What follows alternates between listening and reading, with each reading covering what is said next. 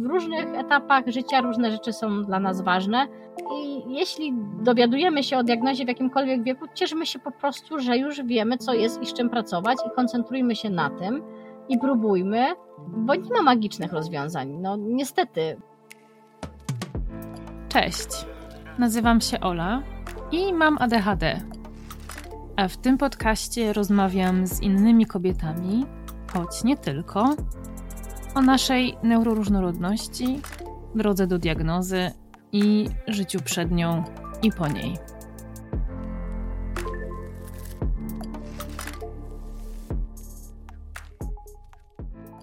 Cześć, witam Was po dwutygodniowej przerwie, po której wcale niełatwo mi jest wrócić do rzeczywistości.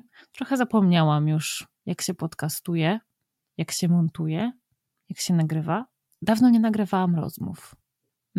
No ale ta rozmowa oczywiście została nagrana długo przed moim wyjazdem. I tym razem do rozmowy zaprosiłam Beatę Babicz. Z Beatą poruszamy tutaj tyle tematów, że trudno mi było znaleźć tytuł dla tego odcinka, który byłby w stanie podsumować jakoś temat przewodni, którego w zasadzie chyba tak naprawdę nie ma. Beata z wykształcenia jest pedagogzką resocjalizacyjną i profilaktyczką społeczną, cokolwiek to znaczy. Całe życie pracowała zresztą z dziećmi i młodzieżą jako pedagogzka, trenerka i wychowawczyni, a dzisiaj pracuje w zespole interwencji kryzysowej. Poza tym, jak na porządną ADHD przystało, Beata od niedawna jest znów na studiach. Tym razem studiuje dawno wymarzoną psychologię. Mm, no a poza tym na YouTubie, na kanale Zaburzenia Fikcji opowiada o bajkach, przestępstwach i psychologii. Możecie ją też znaleźć na TikToku, gdzie jako ADHD sekcja gada, jak sama nazwa zresztą wskazuje, głównie o ADHD. Co prawda, Beata od dawna marzyła o pracy psycholożki i terapeutki, ale w zasadzie to tak naprawdę jeszcze nie wie, kim będzie, jak będzie dorosła.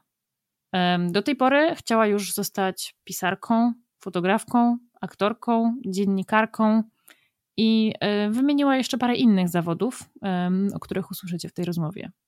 Jak sama mówi, co zresztą tutaj usłyszycie, to dzięki lekom na ADHD odważyła się w końcu spełnić marzenia o studiach z psychologii, żeby lepiej zrozumieć, jak działa ludzki mózg i żeby móc pomagać innym w trudnościach związanych z ADHD i w jego diagnostyce. No i już bez przedłużania, ja oddaję głos mojej rozmówczyni, a jeśli wy lubicie te rozmowy i chcecie mnie jakoś wesprzeć, to możecie wystawić mi ocenę na platformie, na której tego słuchacie, możecie zaobserwować mnie na socialach, możecie wysłać mi wiadomość, albo postawić mi wirtualną kawę. Link znajdziecie w opisie tego odcinka. Cześć Beata. Hej. E, powiem jeszcze raz, bo tym razem wreszcie osoby, które tego słuchają, mogą to również zobaczyć. Piękny sweterek. Dzięki śliczne. Polecam Sinsei, polecam. To nie jest sponsorowane, a mogłoby być. A mogłoby, mogłoby. E, cieszę się, że Cię widzę. Cieszę się, że się do mnie odezwałaś. W ogóle mam dzisiaj taki dzień rozmów z kobietami, które same się do mnie zgłosiły. Wspaniały dzień. E, ja to bardzo lubię, bo to jest chyba tak sobie myślę, że to wymaga jednak trochę odwagi, żeby napisać do jakiejś obcej laski: Hej, chciałabym ci opowiedzieć swoją historię. E, nie wiem jak u innych, ale u mnie to był oczywiście klasyczny impuls, bo mi przyszła legitymacja studencka i miałam takie: hmm, a co tam oznaczają? e, czy żałujesz, że się odezwałaś? Na razie nie, zobaczymy o co będziesz pytać. No wiesz, zaczniemy oczywiście standard, chociaż to już, to już jest coraz mniej standardem, bo powiem Ci, że ostatnio przeprowadziłam taką rozmowę, w której do diagnozy doszliśmy po jakichś 45 minutach, czyli już prawie pod koniec naszej rozmowy. E, ale no chciałabym, żebyś mi opowiedziała trochę o tym, jak to u Ciebie było, bo Ty diagnozę dostałaś w takim bardzo podobnym wieku do mojego, o ile się nie mylę, więc opowiedz mi swoją historię. Jak to było z tym Twoim ADHD? No, było śmiesznie, można powiedzieć, bo ja całe życie pracuję z dziećmi i z młodzieżą i też z dziećmi w spektrach różnych. I to nie tędy droga była. ponieważ tutaj część osób, jeśli są fani True Crime'u, to będą kojarzyć Hulaj Duszę, Julka się nie obrazi, wrzucała na Instagramie story o swoim ADHD. I nie będę pisać dosłownie, co jej napisałam, ale brzmiało to mniej więcej tak, że jeszcze mi ADHD w życiu brakuje. No i się okazało, że brakuje. Julka stwierdziła, a zobacz sobie Dive 2.0. E, dobra, zobaczę sobie. Odpaliłam, po paru dniach chyba nawet, no i się zaczęłam śmiać i co chwilę się odwracałam e, do e, misia drugiego planu, tudzież mojego partnera, zwał jak zwał i mówię, ty, my, ty misiu, to nie o mnie ciągle coś gubię i tak dalej. I tak od pytania do pytania stwierdziliśmy, że do tego testu będzie trzeba siąść na poważnie, bo no tak z buta się nie dało, a moja cierpliwość przy samodzielnym wypełnianiu testu, no to ciężko. Czyli pomagał ci mąż, partner w wypełnianiu diwy, to ciekawe. Tak, zresztą y, powiem szczerze, on siedział, y, właśnie mój małżonek siedział i tą diwę y, ze mną wertował, wydrukowaną i przeprowadził wywiad ze mną. Ja w tym czasie, nikt nie uwierzy, prasowałam, odkulkowywałam swetry, y, zmieniałam miliard razy pozycję, przesiadałam się. On niczym zawodowiec y, po prostu po kolei ze mną jechał z testem. I tak samo było, kiedy poszłam robić z moją mamą. Ja jakby zajmowałam się czymś, a on z tym testem siedział, a dodam, że on wykształcenia psychologicznego nie ma, bo pracuje w branży IT jako QA, więc no tak nie jego działka. Mm, czyli musiałaś się również mamą posiłkować w, w tym wypełnianiu e, diwy, bo to, powiem ci, że to jest taki, mam wrażenie, że to jest częsta kwestia, często spotykana kwestia. Mm, my mamy naprawdę problem z tym, żeby sobie przypomnieć to nasze dzieciństwo, zwłaszcza jeśli chodzi o takie szczegóły, które są potrzebne do tej diagnozy. Czy to wynikało z tego, że miałaś trudności z przypomnieniem sobie pewnych rzeczy, czy, czy po prostu chciałaś mieć pewność, że dobrze odpowiadasz?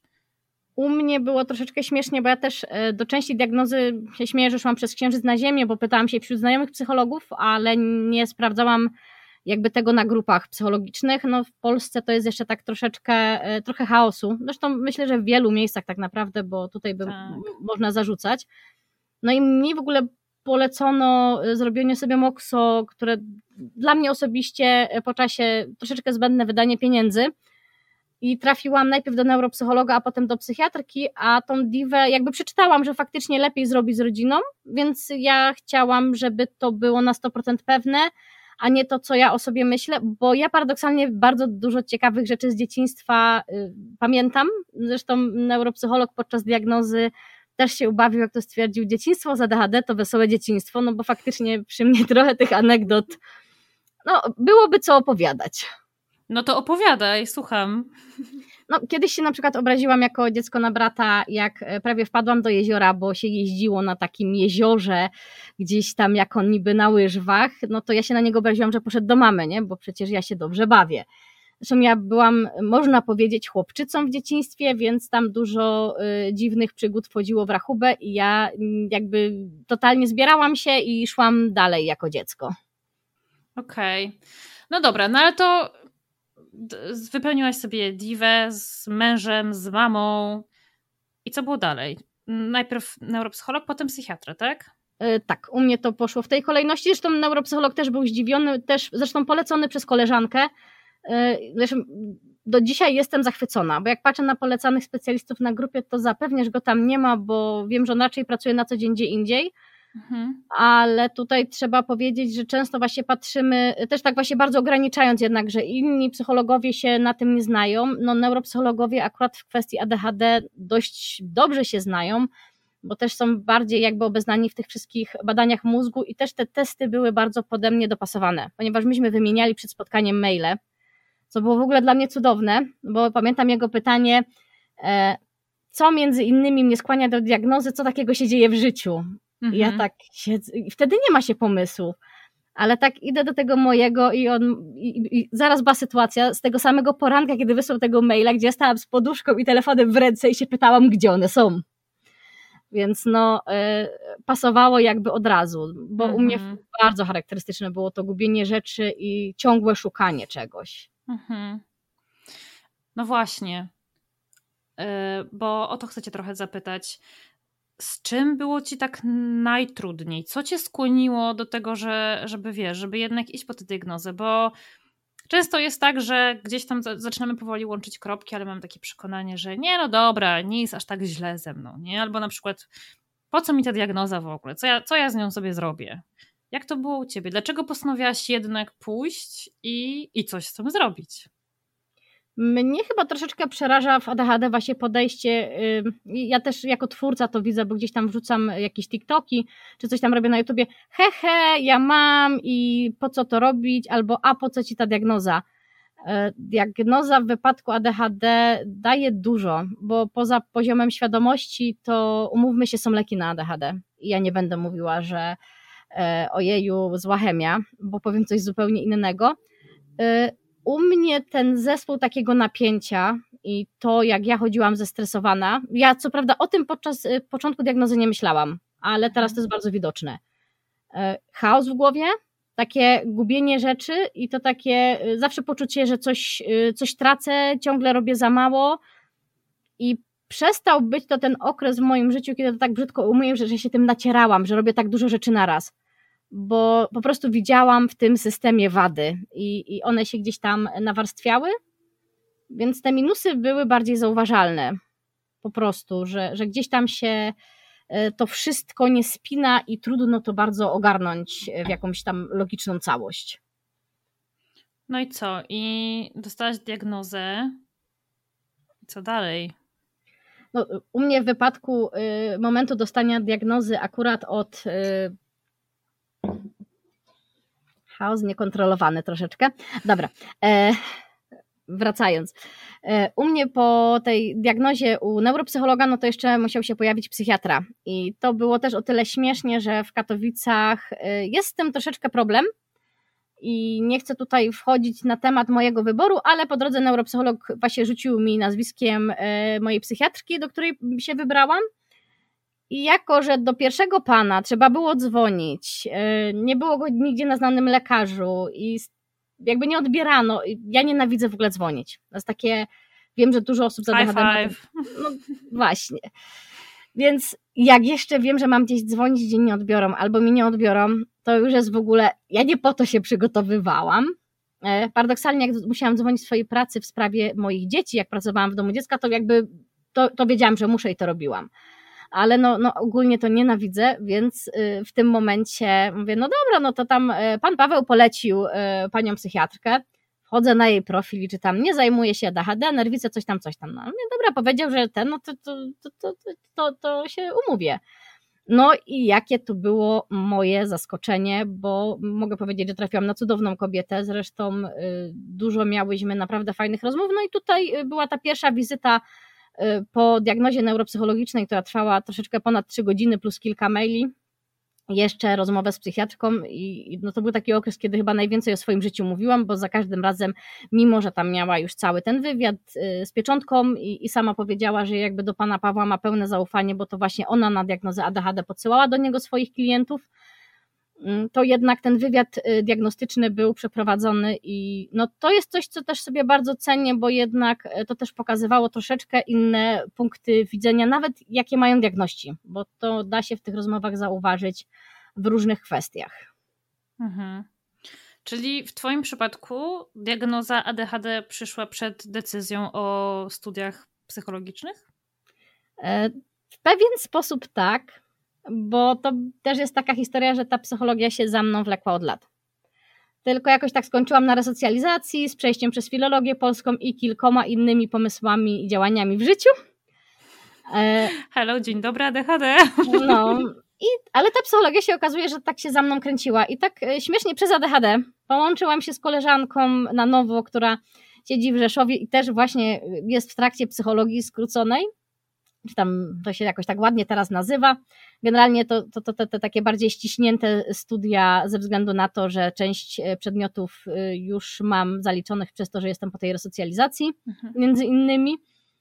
Więc e, no, ta psychologia się tak wlekła, wlekła za mną i stwierdziłam, że no kurczę, to jest moment, nie? Mam leki na ADHD, czuję się gotowa, widzę, że jest potrzeba psychologów, którzy ogarniają temat ADHD, bo widzę, że są ogromne braki na rynku. Tak. E, I ja nie ukrywam, że jakby pomijając, że właśnie dzięki tej koleżance dowiedziałam się, że jest jakby kolejna uczelnia, która takie studia oferuje i nie będę musiała się wiązać na 5 lat, bo to jest bardzo długi związek w wypadku ADHD, a nie wiem jak długo będę jeszcze e, mieszkała w tym konkretnym mieście, bo nie ukrywam, że co jakiś czas mnie gdzieś nosi z różnych powodów, e, więc no stwierdziłam, no to jest związek, któremu mogę dać szansę i, i tak e, skończyłam na tych studiach, e, że, że, że się pojawiłam. Więc tak, diagnoza pomogła, zresztą też konsultowałam ją z moją psychiatrką i nie ukrywam, że ja się bałam, że ona mi powie, że żebym się zastanowi zastanowiła czy coś. A ona z pełnym zachwytem po prostu spojrzała na mnie. To jest kobieta, która ma 20 lat ponad doświadczenia i, i taką też wiedzę życiową. A ona się mhm. spojrzała, że to jest super, że chce iść, że są takie osoby potrzebne, że będę mieć tą inną perspektywę. Zresztą to już było po którymś spotkaniu. No i przyznam, że to, to jest to, co pamiętam w głowie, że mnie bardzo zmotywowało, żeby nie zmieniać tej decyzji mimo że cały semestr zaczynałam od tego, że wszyscy w grupie, u, będziemy psychologami, a ja jeszcze nie wiem, czy będę. Na razie studiuję. E, to jest w ogóle takie, nie? Pytanie, które my sobie często zadajemy do końca życia. Kim ja chcę być, jak już będę dużą dziewczynką. E, pamiętam, Dokładnie że... to mówię. Tak, tak, tak, bo e, moja pierwsza rozmówczyni, Monika, która jest zresztą moją koleżanką i bardzo bliską przyjaciółką mojej mamy, ona powiedziała coś takiego na samym początku, że, że ma 50 lat i nadal nie wie, co chce w życiu robić. I ja tak sobie wtedy pomyślałam, aha, czyli ja za 10 i 20 lat nadal nie będę wiedziała, kim chcę być. I to jest okej, okay, cholera jasna, to jest okej. Okay. Czego już w życiu próbowałaś, jeśli chodzi o zawody i zajawki? Było różnie. Ja miałam w ogóle ogromny problem ze znalezieniem pracy w zawodzie, bo swego czasu dla pedagogów y, i to szczególnie tych resocjalizacyjnych było ciężko. Ja się na przykład niedawno dowiedziałam, że wiele szkół nie wie, że mamy uprawnienia pedagogiczne albo uważa, że nie mamy. A to jest mhm. kolejna kwestia u nas y, miłości do formalizacji różnych w Polsce.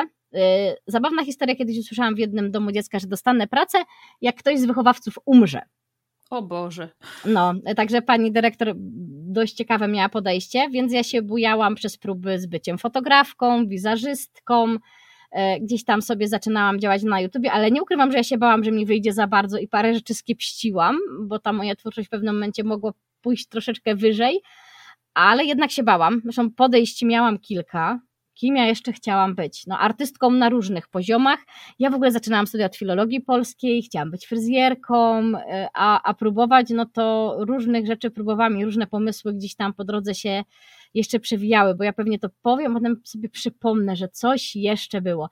Ale w różnych tam działach e, pedagogiki, gdzieś tam około psychologicznych nurtach, w prowadzeniu zajęć profilaktycznych po szkołach, od jakichś tam prac grupowych, y, trochę się treningiem dramy zajmowałam. Zresztą jest to rzecz, do której gdzieś tam mam nadzieję trochę y, wrócić, bo to jest faktycznie. W ogóle drama jest super metodą edukacyjną, uważam, dla edahadowców, bo jest tam ruch i coś się dzieje. Tak. Więc y, tutaj y, wielką miłością, tylko się śmiałam, bo w Polsce chyba dwa miejsca prowadzą jakieś tam zajęcia dramowe i one są takie trochę ze sobą pokonfliktowane i, i każdy przywoził drabę do Polski, bo, bo tych pionierów troszeczkę tutaj było. A ja nie ukrywam, że jak ja, to tak, taka moja super moc y, to jest czytanie ludzi i kontekstu. Część osób z ADHD to ma, część według mnie niekoniecznie, ja tego nie wiążę stricte z ADHD, chociaż wiem, że to się pojawia, no jak ja zaczynam widzieć jakieś rozwarstwienie w grupie, jakiś taki problem, to ja odchodzę, bo gdzieś tam chciałam iść kiedyś w coaching. E, też mnie sporo osób do tego zraziło, bo ja, ja, ja powiedz wiem, coś więcej, powiedz coś więcej, bo ja jestem w trakcie stawania się coachnią, więc teraz mnie zainteresowałaś. Ja wiem, mam różne podejście, e, tekst, e, bądź najlepszą wersją siebie, dużo coachów bardzo go broni. Ej, to nie jest coaching, to nie jest coaching, to jest ja wiem, że są różne coachingi, ale część e, coachów, osób nazywających się coachami to robi i bardzo w Polsce, ale najbardziej nie lubię historii o teczce. Nie wiem, czy ją znasz, ale Pol- ja uważam, że to jest chyba jakaś tak, chyba tego uczą na części szkoleń e, Polskiej Szkoły Coacherskiej. Jak y, miałam drugie czy trzecie podejście do, do, do jakby wyjścia coachingowi naprzeciw, no to usłyszałam historię o tym, że wiesz, my to oczywiście mamy te techniki, które są powszechnie znane, d, d, d, d, ale my to mamy w firmie taką teczkę i my tam wkładamy swoją wiedzę i tą teczkę zamykamy i gdzieś tam, jak ja słyszę historię tej teczki, ja mogłam po drodze przekręcić, tej zdobywania tej tajemnej wiedzy, no to, y, to, to, to było coś, ta, ta historia mi tak wraca do głowy, a zainteresowała mnie szkoła coachingu ADHD, y, chociaż ja z, z tym moim angielskim, no, byłoby trochę walki, ale ja, jak mi się ta teczka przed oczami ja, ja znam dziewczyny po coachingu, które są świetne i osoby i które robią to dobrze. I przede wszystkim rozróżniają coaching od psychoterapii, bo bardzo często spotykałam się z osobami, które były po szkole, coachingo, po szkole coachingowej, o, wysłowić się nie umiem, e, i no, mówię do jednego chłopaka, to tak śmiesznie wyszło, że nienawidzę, jak ktoś coś tam robi. On chyba nie dosłyszał tego, że ja mówię o tym, że nienawidzę, jak e, coach przechodzi w psychoterapeutę, bo to jest moment, kiedy niestety klienta odsyłamy. Tak. A on mi, no ja to robię i robię to lepiej niż psychoterapeuci. Uuu, to była tak. moja reakcja. Nie, no nie, no nie. To ja takich, takie osoby nie powinny się nazywać coachami w ogóle. Eee rozumiem, skąd takie ciągoty mogą się w ludziach brać. Nie? Ludziom się wydaje, zaczyna, zrobią sobie jakąś szkołę coachingu i myślą, myślą sobie, że już są w stanie tak głęboko pracować, że nic ich nie powstrzyma i po co ludziom w ogóle jakaś psychoterapia. Nie, nie, mhm. to, to umówmy się, że e, w te rejony się nie idzie. To już nie jest coaching. Tak jak mowa motywacyjna nie jest coachingiem, tak to, to też nie, nie. Tym nie powinno być. No, zresztą, y, kurczę, z drugiej strony spotkałam się z tym, jak e, wspomniałam znajomej psychoterapeutce, że właśnie myślę o szkole coachingu ADHD, bo uważam, że to jest super. To przecież my na terapii robimy to samo, bo ta terapia dla osób z ADHD jest robiona inaczej. Ja sobie myślę, po pierwsze, dużo osób nie będzie chciało iść na terapię, po drugie, dużo osób jej nie potrzebuje. Dokładnie. Bo wystarczy im część tych technik. Bo oczywiście są rzeczy, z którymi warto pracować terapeutycznie, bo ja nie jestem przeciwniczką terapii, ale rzeczy na przykład te, które ja mam związane z ADHD, ja sama byłam w szoku, jak czytam gdzieś tam jakieś lifehacki, myślę, jaki to jest lifehack? Ja to robię całe życie, bo ja dużo rzeczy po prostu sama gdzieś tam wprowadziłam przez swoje życie, bo byłam zwolenniczką y, od pewnego momentu tego, żeby sobie w życiu ułatwiać. Ja mam za sobą 3 metry biurka, a tutaj teraz mam drugie biurko, które ma prawie dwa metry z tą częścią do nagrywania. I to jest wreszcie przestrzeń, na której ja się mogę swobodnie uczyć, coś zrobić i mieć te rzeczy, których potrzebuję na wierzchu. I jakby nikt mi tego nie podpowiadał. Ja zawsze mówiłam, że ja chcę mieć ogromne biurko. Jakie się zmieści, takie będzie, nie? Tak, tak, tak, bo to chodzi dokładnie o to. Chodzi o to, żeby sobie tak dostosować swoje środowisko do siebie i swoich potrzeb. Czasami to są naprawdę śmieszne rozwiązania, tak jak właśnie posiadanie dwóch biurek, jedno obok drugiego, e, ale jeżeli to jest, to, to działa e, i to ma sens, to why not? Ale wiesz co? Ja bym chciała wrócić do jednej rzeczy, bo ty powiedziałaś coś, co mnie też e, zaintrygowało w, w kontekście twojej twórczości YouTube'owej. Powiedziałaś, że specjalnie coś skiepściłaś w pewnym momencie, bo się wystraszyłaś? Dobrze usłyszałam? Trochę bojkotowałam e, szansę na osiągnięcie lepszych wyników niż mogłam. Algorytm YouTube'a jest troszeczkę niezbadany, a troszeczkę tak. E, I ja jakby świadomie na przykład nie zaczynałam od true crime'u, który się gdzieś tam wtedy rozwijał, a który chciałam robić no wiele, wiele lat zanim to się stało modne, żeby nie powiedzieć, jak tego nie było, ale troszeczkę taki pomysł miałam naprawdę lata wcześniej, no ale wtedy się gdzieś tam za to nie wziąłem. Ja pomysłów na YouTube'a to ja miałam, jak tylko zobaczyłam pierwsze filmiki paznokciowe i chciałam po prostu je parodiować, bo jak ja widziałam, co te dziewczyny tam wlewają te lakiery i wyciągają ten paznokieć, tylko to tak nie dochodziło do skutku. A jak już doszło, to zaczynałam od takich tematów, które były mniej lotne, no albo popadałam w takie stany długiego nietworzenia, a, a tutaj niekoniecznie y, te wszystkie platformy lubią pustki, aczkolwiek też bym się do tej myśli tak bardzo nie przywiązywała, bo to różnie bywa, tylko że ja faktycznie w momencie, kiedy jakieś tam filmy mi bardzo dobrze poszły, miały multum wyświetleń, no to znajdzie się zawsze powód, dla którego się znikało, ale no podejrzewam, że ta tendencja do samobojkotu jakiegoś tam sukcesu Zresztą u mnie tendencja do samobo- takiego samobojkotu sukcesu zawodowego, docenienia siebie pod tym względem, to jest osobny temat i raczej związany już y, z nieumiejętnością tego niż z ADHD, aczkolwiek ten y, autobojkot wiem, że jest dość ADHDowy też często. Tak, tak, tak, to się łączy. Właśnie, właśnie chciałam Cię zapytać o to, czy uważasz, czy potrafisz sobie powiedzieć, że robisz zajebistą robotę? Czy klepiesz się po pleckach, czy, czy raczej sobie dowalasz, że i szukasz tych takich niedociągnięć? Ja się już tak bardzo nie samobiczuję, bo się nauczyłam tego. I tutaj nie ukrywam, że y, mój mąż jest osobą, dzięki której tego nie robię, bo mnie nauczył doceniać siebie. Bo to nie jest y, niestety coś, co gdzieś tam wyniosłam z domu, chociaż ja byłam chwalona, ale nie byłam nauczona tego, żeby doceniać swoją pracę, żeby mierzyć wysoko. Gdzieś tam ten lęk ze strony mojej mamy, która miała bardzo pozycję lękową, był taki, ja chciałam iść do szkoły aktor, aha, no chciałam być jeszcze aktorką, nie? E, no i szkoły aktorskiej się wystraszyłam ostatecznie, bo gdzieś tam mnie ta mama od tego, od tego odciągnęła. Zresztą podobnie było troszeczkę z tą próbą podejścia na psychologię, czy gdzieś tam wyjechaniem na studia do innego miasta, mimo że w międzyczasie gdzieś tam e, się pobujałam po świecie, bo jakiś tak byłam no, sprowadzana na ziemię z tymi swoimi bardziej szalonymi pomysłami. No, po latach, jak wyszły te wszystkie afery ze szkoły aktorskiej, to ja szczerze mówiąc nie żałuję, bo ja chyba bym już w ogóle zjechała. Umiem docenić to, co robię, ale mam problem z docenieniem tego zawodowo, więc bardzo często wkopywałam się w pracę w dość takie sytuacje, że robiłam wszystko dobrze i po prostu tak było obiektywnie rzecz biorąc, a potem się samobiczowałam, że coś nie działa, a jak trafiłam na pracę, gdzie stosowano mobbing, to potrafiłam w jakiś sposób ich do pewnego momentu gdzieś tam usprawiedliwiać. No i to, to nie było dla mnie dobre, nie? bo przecież ja jestem zła, ja robię źle, albo popełniłam błąd. No, okazało się, że może i popełniałam błąd, ale główny błąd to y, było niezgłoszenie pewnych rzeczy po prostu do odpowiednich instytucji. No i jak sobie z tym poradziłaś ostatecznie? No, z, z tamtą sytuacją poradziłam sobie rzucając wypowiedzenie, ale... Ale tak na dłuższą metę, czy, czy zaczęłaś nad tym pracować, czy po prostu zmieniłaś środowisko pracy i nie, nie miałaś już takiej potrzeby? To jest coś, nad czym ja cały czas pracuję. Nie, jakby u mnie całe życie gdzieś tam ta praca nad sobą się odbywała i ja mam bardzo wysoki poziom samoświadomości.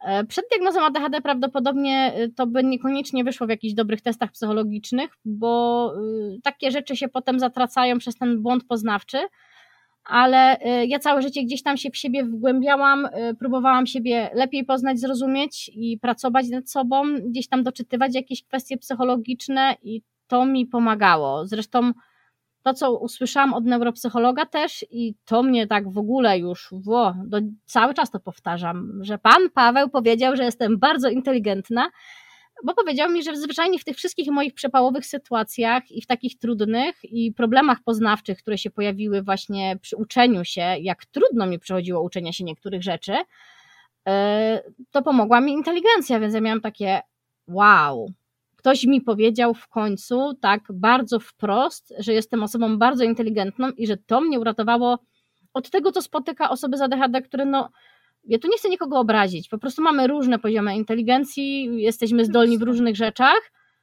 i no byłam w szoku, że u mnie to jest to, bo w dzieciństwie to ja mogłam usłyszeć, że jestem wyszczekana, nie? O Boże, ja też Takie słyszałam. Polskie. Ja też słyszałam o tym wyszczekaniu, oczywiście. Ja byłam też pyskata bardzo. To, o tak, to... pyskata i wyszczekana. No, no to. Tak, ale w Divie nawet jest taki punkt o tym, to chyba w tej sekcji dzieciństwa, e, o różnych trudnościach związanych ze szkołą. I jedna z ostatnich odpowiedzi jest taka, że nie dotyczy mnie, ponieważ właśnie wysoki poziom inteligencji sprawił, że nie miałam tych wszystkich problemów. E, I to była, to była pierwsza rzecz, która mi tak, bo ja, ja miałam trochę problem z tą diwą i z tym dzieciństwem. Myślałam sobie, no nie, no tu nie pasuje, tu nie pasuje, ale potem zobaczyłam ten punkt i myślę sobie, no tak, no to przecież o to, o to w tym wszystkim chodzi, nie? Że ja po prostu na... za, za, dobrze sobie w szkole radziłam. I... To, to, ja nawet tego nie wyłapałam, choć po czasie łapałam się na tym, bo ja nie byłam, z, bo wiem, że część osób wchodzi w to zakuj, zdaj, zapomnij przy ADHD i w ten y, perfekcjonizm, a ja zawsze chciałam na zrozumienie. I na studiach się dowiedziałam później na pedagogice, że to jest ten wyższy poziom poznania i bardziej przydatny, więc ja już w ogóle, znaczy ja w ogóle zbojkotowałam system edukacji w wieku 13 lat, żeby nie było. I było pytanie, skąd taki spadek ocen, bo ja widziałam, że ja niewspółmiernie dużo pracuję na pewne wyniki, a mnie dużo rzeczy interesowało. I w podstawówce zdarzało mi się być osobą pokrzywdzoną, bo na przykład umówiłam się z nauczycielką, że będę mieć z polskiego piątkę, jak coś tam napiszę na piątkę, jej później nie było. Jedną rzecz napisałam na piątkę, a tej drugiej nie, bo jej nie było. I kolega, który był gorszy z tego polskiego ode mnie, dostał tą piątkę, ja nie, więc to takie poczucie krzywdy przy tej edukacji już w czwartej klasie mnie tak ale jeszcze wtedy szłam w te takie dość wysokie wyniki, bo i, i wysokie oceny, i bardzo dobre świadectwa, ale wiedziałam, że wykuwanie pewnych rzeczy dla mnie mija się z celem i niczego nie uczy. Zresztą dalej uważam, że pamiętanie wszystkich dat z historii nijak się ma do zrozumienia tej historii i do czego ona prowadzi, więc yy, ja nawet sobie tego nie zarzuciłam, że byłam taka. Yy, ja nawet nie wiedziałam, że jestem inteligentna. Ja naprawdę mam wrażenie, że ja poczułam się naprawdę osobą inteligentną podczas diagnozy. Dlatego ja wszystkim mówię, że warto jest tą y, pełniejszą diagnostykę zrobić, bo osobiście mam wrażenie, że niestety diagnoza psychiatryczna, szczególnie kiedy czytam gdzieś tam, że zrobiona w godzinę, no nie da nam e, pełnego obrazu, jak to u nas e, funkcjonuje. No, da nam diagnozę, da nam leki, ale no, według mnie no, trudno jest E, zobaczyć ten pełen obraz tego, jak to ADHD funkcjonuje i widzieć te zmiany, bo, bo często nie będziemy widzieć na podstawie czego są te zmiany tak naprawdę, nie? co się zmieniło. To co czujesz ci najwięcej dało, jeśli chodzi właśnie o ten moment, e, kiedy już się dowiedziałaś, że masz ADHD? Czy sama diagnoza, czy wdrożenie leczenia, czy wdrożenie nowych strategii, czy psychoedukacja? Co tam ci czujesz najbardziej zagrało? No to, to były etapy bo pierwsze, co jak dostałam już tą neuropsychologiczną diagnozę, mimo że pan Paweł 100% profesjonalisty powiedział, że to jeszcze musi potwierdzić psychiatra. Wiesz, po tych trzech godzinach, tych wszystkich mailach, tych wszystkich rozmowach, gdzie on w pewnym momencie nawet się nie mógł powstrzymać, tylko się zaśmiał. Tak, tak, mają osoby za DHD, więc jakby i widać było, że jest do tego w 100% przekonany. I tą opinię to w ogóle rozpisał y, takim drobnym maczkiem na kilka stron. Dla mnie to było cudowne. Jakby w ogóle też już po tej samo y, potwierdzenie, y, już te neuropsychologiczne, był taki pierwszy kamień serca. Później potwierdzenie przez drugą osobę, no to też jak od psychiatrki usłyszałam, też już była taka ulga. No i miałam to szczęście, bo ja miałam wykonany komplet badań krwi bo y, to jest też dużo osób y, bardzo chce od razu wdrożyć leki. Tak. No niestety, niestety uważam, że dobry psychiatra wysyła na badania krwi i tutaj warto, żeby też to B12, D3 było zbadane, bo dużo osób ma problemy z układem nerwowym też przez to. I też bywa, że diagnoza jest zafałszowana przez to. Ile mamy diagnoz depresji, gdzie się okazuje, że po wyrównaniu B12 i D3 nie ma, więc Wiem, że troszeczkę e, zaimponowałam e, pani Oldze, jak się pojawiłam z tym kompletem badań, dlatego też na pierwszej wizy wizycie dostałam leki na próbę i miałam się zgłosić tam po raz kolejny. No ja się śmieję, że moment wzięcia leków pierwszy raz dla mnie to był jak w filmie Jesteś Bogiem, gdzie tam facet bierze jakąś taką magiczną pigułkę i nagle wszystko widzi ostrzej, wyraźniej i jest taki hiper jakby odkrywczy, bo ja nagle, ja naprawdę e, pierwsza tabletka e, i ja usłyszałam w głowie spokój i słyszałam, co do mnie ludzie mówią. Wręcz miałam takie poczucie efektu e, przysłowiowego przyćpania, bo ktoś mówił, a ja mogłam go słuchać nie myśleć o wszystkim innym. I po prostu myślę, że do dzisiaj, zresztą to było w Pradze, pan policjant, który u nas był zaprzyjaźniony, mógł się momentami czuć dziwnie, bo ja tak po prostu patrzyłam, bo ja ale też wiedział, też, też, też mówiłam o tym swoim ADHD, więc yy, wiedział, że, że, że weszły leki. No dla mnie to było niesamowite uczucie, że potrafię, nie? Tak, e, to różnie to bywa z tą pierwszą tabletką. Ja rozmawiałam z osobami, które były wręcz rozczarowane, bo właśnie przeczytały gdzieś tam, że ktoś, ktoś nagle usłyszał ciszę, a tu nic takiego się nie wydarzyło. Natomiast ja byłam jedną z tych osób, tak jak ty, wzięłam pierwsze, pierwszą dawkę, tę najniższą i od razu miałam taki moment, tak jak, tak jak mówisz, tak jak, w tym, tak jak w tym filmie, po prostu nagle wszystko się wyostrzyło i, i nagle zaczęłam yy, no jakoś tak po prostu nagle zaczęłam pracować. Siedziałam na tym komputerem i ta praca się sama zaczęła robić nie musiałam ze sobą walczyć przez, wiesz, dwie godziny rano, żeby, żeby zacząć coś robić, więc tak, no moja historia leczenia później trochę inne przybrała tory, natomiast ten początek był taki właśnie dosyć różowy.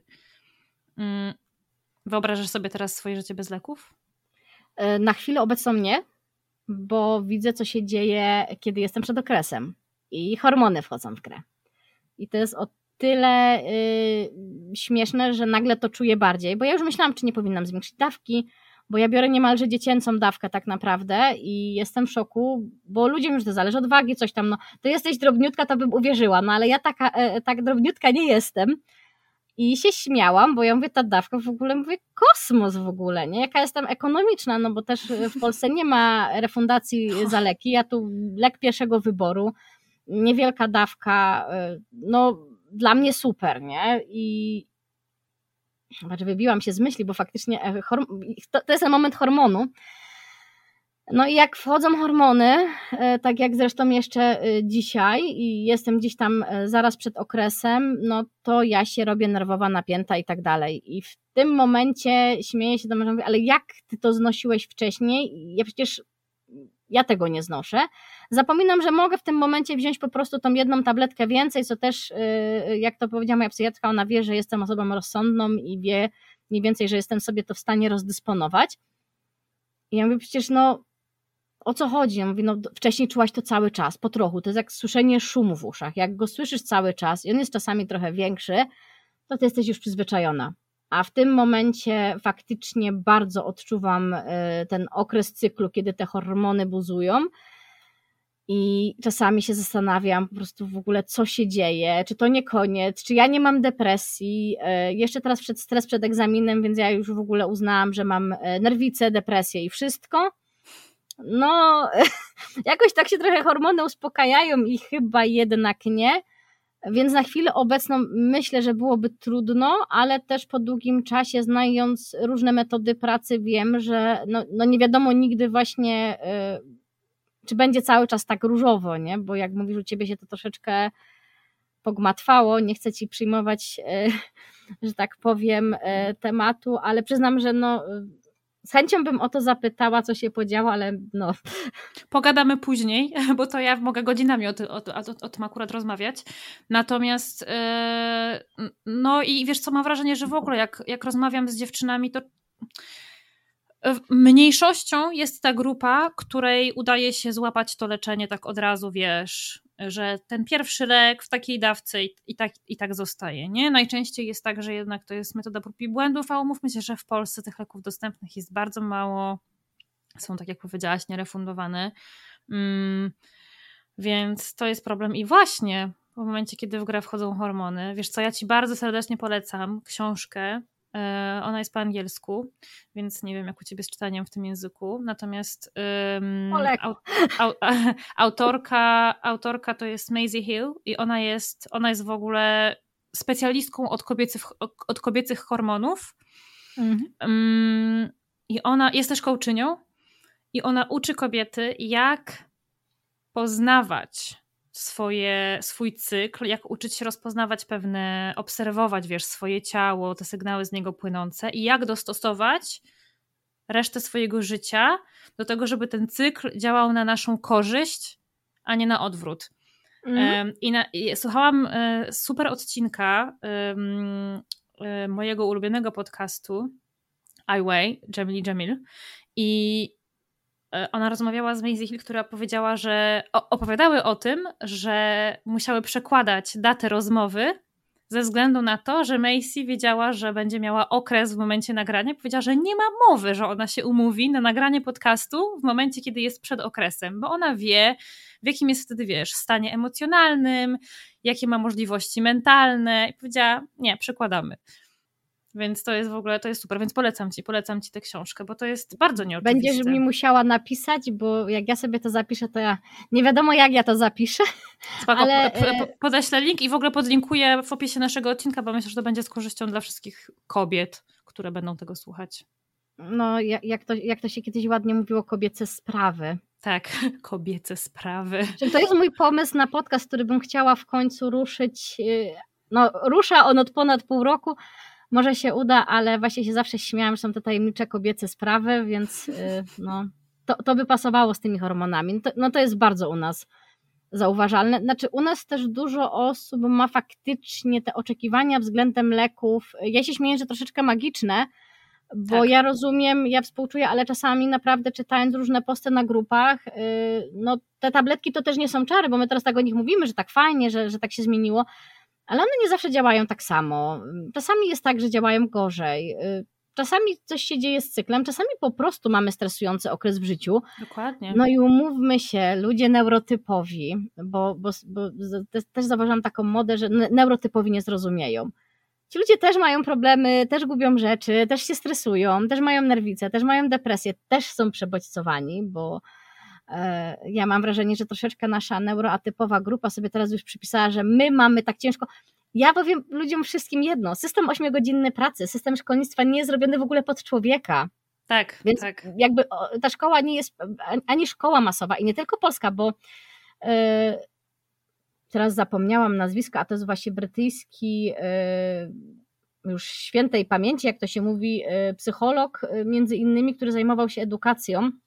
Jak sobie przypomnę, to gdzieś tam napiszę mówił o tym, o, o, całym systemie edukacji, bo naprawdę mówimy, że w Polsce ta szkoła jest taka zła. Żadna szkoła nie jest dostosowana do e, potrzeb dziecka. Ona jest stworzona dla mas. Tak samo system 8 godziny pracy jest stworzony dla mas. Absolutnie. I nikt nie czuje się dobrze po 8 godzinach pracy. Nam to doskwiera prawdopodobnie bardziej, jeśli w tej pracy y, albo ona nie jest do nas dostosowana, albo my też troszeczkę nie szukamy rozwiązań, bo ja bywałam w pracach, które powinny być dla mnie nudne, ale ja sobie to ugrywałam. Więc y, tu się da, bo pracowałam i w biurze kuratorium dla nieletnich, gdzie teoretycznie no w biurze, ale tam się dało pochodzić, porobić, zmienić, narzucić sobie tak zwane mikrozadania y, i, i gdzieś tam to ograć. I ja zawsze się staram, jak już gdzieś tam trafię, no właśnie dostosować to pod siebie, bo często przychodziłam do pracy, gdzieś tam koleżanki, pedagogzki były bardziej doświadczone, bo pracowały tam dłużej, miałam poczucie, że no nie mogę za szybko wprowadzać zmian, a potem sobie uświadamiałam, że okej, okay, zmiany nie, ale dostosować część tego wszystkiego pod siebie jak najbardziej i nikomu to nie przeszkadza. Ja na przykład miałam opory w tym, żeby y, salę, którą miałam, świetlicy środowiskowej, jak pracowałam jeszcze niedawno, żeby ją zrobić po swojemu. Jak już byłam głównym wychowawcą, bo weszłam najpierw jako półetatowiec, a później y, jako pełnoetatowy wychowawca za inną panią i miałam takie ciągłe, ciągle jakieś takie bariery, bo myślałam, no jej tu nie ma i to jest często problem też w naszej głowie, że my się boimy tak naprawdę gdzieś tam wprowadzać e, pod siebie jakieś zmiany, albo na przykład e, w pracy to omówić, bo wiele firm takich współczesnych w branży IT naprawdę dostosowywuje takie e, rzeczy i system pracy, jeśli się o tym powie. Tak, to I ja prawda. to widzę u mojego męża w firmie, jak coś powie i nagle się okazuje, że ej, jest. Jeśli na przykład byś się zdiagnozował, bo też gdzieś tam się bujam, bujamy, czy u niego y, jedno lub drugie spektrum nie wchodzi w rachubę co jakiś czas i od razu od swojej liderki usłyszał, Michał, jak tylko byś się zdiagnozował, to to, to i to, i to ci w pracy zrobimy, i to ci, wszystko się da. Tak. Naprawdę w wielu miejscach, nie mówię, że wszędzie, ale no często my jakby nie próbujemy sobie tego życia dla siebie dostosować, a nie chciałabym, żeby ludzie potrzebowali zawsze faktycznie gdzieś tam zapłacić za to wsparcie, żeby to wiedzieć, więc tak poczułam, że to, to jest to, co muszę od siebie wyrzucić. Tak, to jest super, że o tym mówisz, bo to prawda, że my często, nawet z obawy przed tym, co się może wydarzyć, kiedy powiemy o swojej diagnozie, nie mówimy o niczym, ale prawda jest też taka, że to można ograć tak, że można powiedzieć o swoim ADHD bez mówienia o tym, że mamy ADHD. Można powiedzieć, że mamy jakieś potrzeby bez, wiesz, przynoszenia papierka od psychiatry. To jest ciekawe, bo w Wielkiej Brytanii.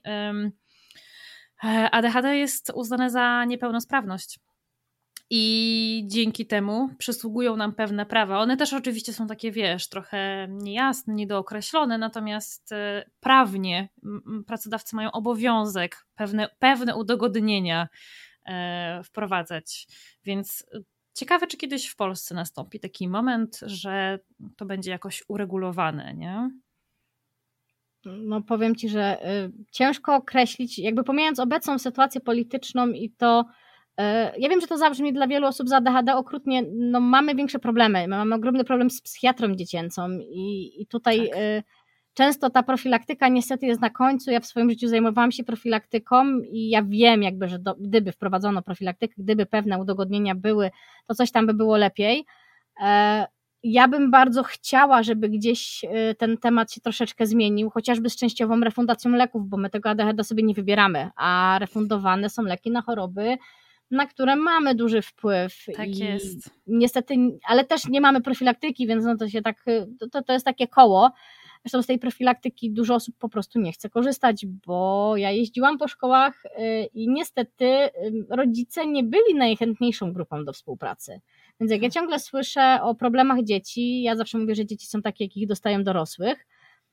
I to jest czasami widać fajnie po takich bardzo wysoko funkcjonujących, y, wiem, że to jest ostatnio takie odrzucane pojęcie, no ale umówmy się, że są z osoby z ADHD, dla których to faktycznie może być duży problem, a, a są osoby, które no gdybym nie miała w ogóle nigdy leków i cały czas pracowała gdzieś tam ze sobą psychologicznie, to też bym sobie radziła i funkcjonowała, a są osoby, które w tym momencie naprawdę nie są w stanie funkcjonować, czy to z autyzmem, czy to z ADHD. I niestety zrównywanie osób, które potrafią być samodzielne z osobami, które wymagają opieki innych, e, też jest krzywdzące. Dlatego tutaj często jak się mówi o tym, e, czy ADHD, czy autyzm jest zaburzeniem, no usuwanie autyzmu z listu zaburzeń odbiera dzieciom e, szkoły. A tak. akurat tutaj pod tym względem w Polsce, bo ja ciągle słyszę, że nie ma, nie ma, nie ma. E, no, moja kariera zawodowa mówi, że nie ma nic dla osób z ADHD. Dzieci z autyzmem u nas do etapu szkoły, końca szkoły podstawowej, teraz już, bo znowu nie ma gimnazjów, e, są naprawdę zaopiekowane, jeśli rodzice chcą. Tylko często rodzice nie chcą, bo rodzice chcą dziecko dać do szkoły masowej, ewentualnie przeboleją integracyjną i uważają, że to jest dla dzieci lepsze. A ja znam bardzo uzdolnione dzieci w spektrach, które idą do szkół dla dzieci z autyzmem i one pójdą na studia, one będą osiągały cudowne rzeczy i mogą się koncentrować na tym, co lubią, nie? Bo tam chłopca, który on pewnie już programuje lepiej niż nie jeden dorosły, a jego językiem pierwszym jest angielski, nie dlatego, że rodzina mówi po angielsku, to był jego wybór. Więc oni go uczą mówić po polsku, mimo że wychowuje się w polskojęzycznej rodzinie w Polsce. Wow. Ja go uwielbiam. I on jest dla mnie czasami taką ogromną inspiracją, gdzieś tam się spotykamy z rodziną ze strony męża i ja zawsze mówię, że jestem jego największą fanką, bo no, chłopak jest niesamowity, nie? Poszedłby do masowej szkoły i ta szkoła by go krzywdziła. No Mimo, tak. że on no, jest z tych akurat wysoko inteligentnych osób, w mojej opinii, zwłaszcza, że jak sobie wymyślił się, będzie uczył y, włoskiego sam z siebie, to po prostu zaczął. Hmm. No i no, to jest y, gdzieś tam y, też, też problem, dlatego nie ma się co okłamywać, że nazwa zaburzenie nie powinna chyba, wydaje mi się, nas boleć czy obrażać, bo to też nie jest nic złego bo my przypisujemy ocenę czemuś, co po prostu jest inne, no jest, jest, jest ta neuroatypowość, ale bywa, że to jest źródło naprawdę ogromnych problemów, szczególnie jak dochodzą jakieś takie sytuacje życiowe, gdzie poznaje kogoś, kto ma ADHD, ale też na przykład ma DDA, i jest z rodziny dysfunkcyjnej ogromnie i to z takich bardzo traumatycznych przeżyć, więc e, no tam wpływ tego ADHD na to, jak bardzo się te traumatyczne sytuacje ukształtowały tą osobę, e, no jest ogromny, nie? I gdzieś tam bardzo wpływa na jej życie. Tak, tak, to prawda, że trzeba, trzeba pamiętać ciągle o tym, że to jest spektrum. Ja sama osobiście, samo słowo zaburzenie nie jest moim ulubionym, natomiast zdaję sobie sprawę z tego, że ono jest po coś i umówmy się, jakby biologicznie rzecz biorąc, jest to po prostu zaburzenie. No. Tutaj nie ma, wiesz, nie ma co, nie ma co próbować e, szukać argumentów przeciwko temu. Um, ja no. myślę, dlaczego idziemy po diagnozę, bo widzimy problem. Jak Dokładnie. ktoś sobie super radzi, nie idzie po diagnozę, to jest też może to, że ja naprawdę pałam ogromną miłością do y, tej części biologii, y, psychologii, która jest związana z biologią, bo ona super wyjaśnia różne rzeczy. I naprawdę y, nie trzeba czytać książek ADHD, żeby się jakby zapoznać z tą, dla mnie w ogóle dużą wartością teraz na tych studiach jest poznawanie tego, bo ja nie ukrywam, że zawsze gdzieś tam te biologiczne przedmioty mnie pociągały, ale wiem, że poznawczo no, nie wiem, czy kiedykolwiek będę neuropsychologiem, bo uważam, że tego naprawdę trzeba mieć łeb jak sklep, jak to się ładnie mówi. Ale na przykład nie wiem, czytam sobie teraz książkę Sapolskiego, bardzo polecam, e, Dlaczego zebry nie mają wrzodów o stresie. I to jest książka, która tak tłumaczy te biologiczne mechanizmy, że człowiek się nie orientuje. To jest ciężka książka, nie ma co się ukrywać, ale człowiek się orientuje, kurczę, jak to działa, nie? Więc ej, to u mnie to działa jakby siłą rzeczy bardziej, jeszcze bardziej chaotycznie, jeszcze trochę inaczej ale y, to, to daje zrozumienie. Ja nie mam problemu właśnie z tymi wszystkimi nazwami przez to, że patrzę na nie technicznie mhm. całe życie, bo później one też się w tych klasyfikacjach chorób zmieniają przez stereotypizację. Tak. Tylko, że ja, kurczę, no mi to ADHD jako nazwa pasuje, nie? Jest prosta, konkretna, e, a można zmieniać to znaczenie przez to, jak się pokazuje i edukuje, a nie, że znowu zmienimy słowo, bo ja pamiętam, jak ja pisałam pracę licencjacką i też pisałam akurat, e, no wtedy się używało naukowo normalnie pojęcia prostytucja, teraz to już jest chyba ujmowane inaczej i ja powiem szczerze, że po 10 13 latach od napisania pracy licencjackiej. Ja nie, nie, wiem, e, e, jakie określenie jest poprawne nie tyle politycznie, co też naukowo, bo właśnie je się zmienia ze względu na e, to stereotypowe podejście. I to czasami też troszeczkę gdzieś tam gubi, nie? Bo, bo coś się już nazywa inaczej. I wiem, że kiedyś miało nie być nerwicy, tylko miało być to zachowanie obsesyjno-kompulsywne, ale chyba w klasyfikacji chorób dalej jednak jest nerwica, więc ja już nie wiedziałam czasami, jak ja mam mówić, żeby kogoś nie obrazić? A ja zawsze się staram z każdymi dobrze rozmawiać i potem się człowiek boi powiedzieć, na przykład na ADHD zaburzenie. Ja bym chciała odczarowywać te słowa. Jakby to, to, to, jest, to jest klasyfikacja, to się jakoś tam nazywa, bo, bo niesie za sobą utrudnienia, ma też swoje plusy. Y, po prostu, jakby ch chyba, chyba łatwiej mi jest w tą stronę, ale to jest też moje podejście, bo ja nie oczekuję, że każdy będzie myślał tak jak ja, ale umówmy się, że na te diagnozy idziemy, bo mamy problemy, a, a nie dlatego, że jest cukierkowo jednak, nie? To prawda. Ja też sobie myślę, że wiesz, klasyfikacje chorób klasyfikacjami chorób, a to, co my wiemy, myślimy, czujemy wobec tych zaburzeń, to jest, to jest też inna kwestia, nie? Dlatego ym, ja też nie do końca lubię ten cały podział na specjalistów, ekspertów i samorzeczników, bo tak naprawdę powinniśmy się wszyscy spotkać gdzieś po środku i wszystkim nam zależy na tym samym. Wszystkim nam zależy na tym, żeby szerzyć świadomość na temat tego, z czym się borykamy i właśnie jakie trudności możemy mieć, ale też, ale też żeby pokazywać te dobre strony, te, te rzeczy, które lubimy w tym swoim ADHD czy, czy w autyzmie. Ty masz takie rzeczy, które lubisz w swoim ADHD? Y, ja w ogóle jakby nie wiem, jak to jest y, żyć nie mając ADHD, nie? Bo, bo często pada to pytanie, na przykład, czy ktoś by coś zmienił. Mam takie, no, ja nie wiem bo no jestem kreatywna, faktycznie jestem twórcza, ta impulsywność w tym dobrym sensie y, nie, nie fajną historię przyniosła Zresztą nie dalej jak dzisiaj rozmawiam z koleżanką, z którą zaczynałam pierwsze studia z filologii polskiej, no i tam te cechy ADHD miały się dobrze. I to były czasy, kiedy jeszcze mój mózg tak nie reagował na różne substancje e, z procentami, że tak to powiem, więc e, gdzieś tam e, dużo było wesołych, fajnych przygód i, i dużo fajnych rzeczy się działo. I myślę, że po części gdzieś tam ADHD miało na to wpływ, y, więc y, no, no mówię, nie wiem też, jak to jest żyć bez niego, ale wiem też y, ten problem, który ja na przykład widzę w naszym samorzecznictwie też czasami, to, to, to bywa to, że jest określony brakiem wiedzy, przekazujemy jakąś wiedzę, która nie jest z tym związana. Ja na przykład bardzo nie lubię, jak na TikToku pojawia się viral, że tą muzykę tylko osoba z ADHD zrozumie i będzie słyszała te dźwięki.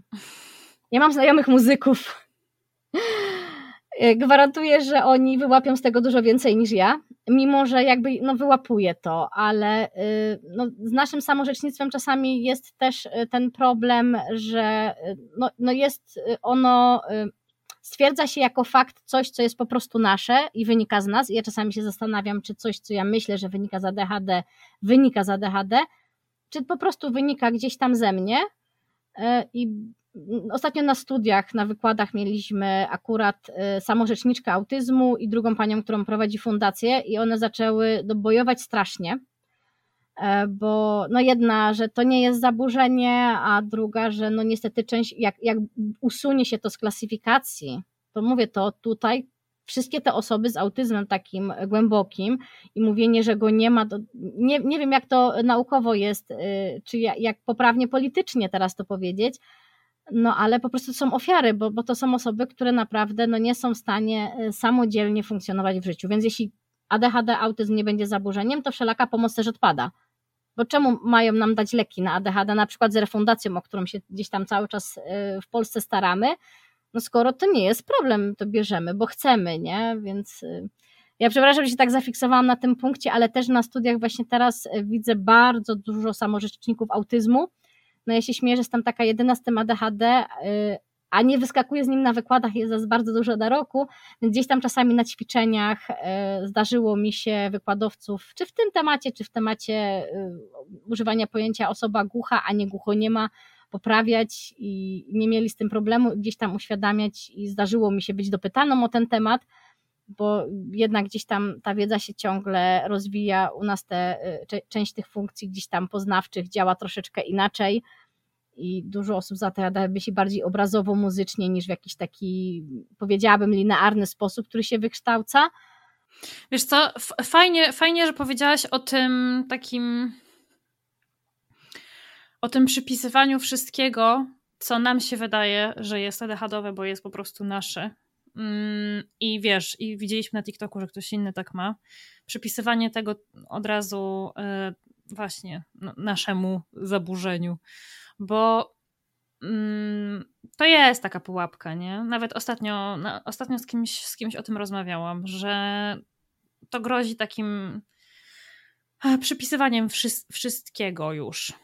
E, naszemu ADHD, a to nie do końca tak jest. I rzeczywiście mam wrażenie, że to jest wyjątkowo silne na naszej grupie facebookowej. E, że tam bardzo łatwo o takie, o takie uproszczenia na zasadzie, czy ty też masz tak, że okej, okay, dobra, czyli 10 osób powiedziało, że też tak ma, to znaczy, że to jest na pewno ADHD, a nie po prostu e, kwestia mojej osobowości, mojego temperamentu, tak. moich preferencji ale czasami ja mam wrażenie, że to jest takie troszeczkę pragnienie, przypisanie się do grupy. Zresztą część osób to mówi wprost. Y, ja nie mówię, że jakby, nie wiem, PTSD jest super, bo, bo to jest też koszmar, ale y, no, PTSD można wyleczyć, że tak to ujmę.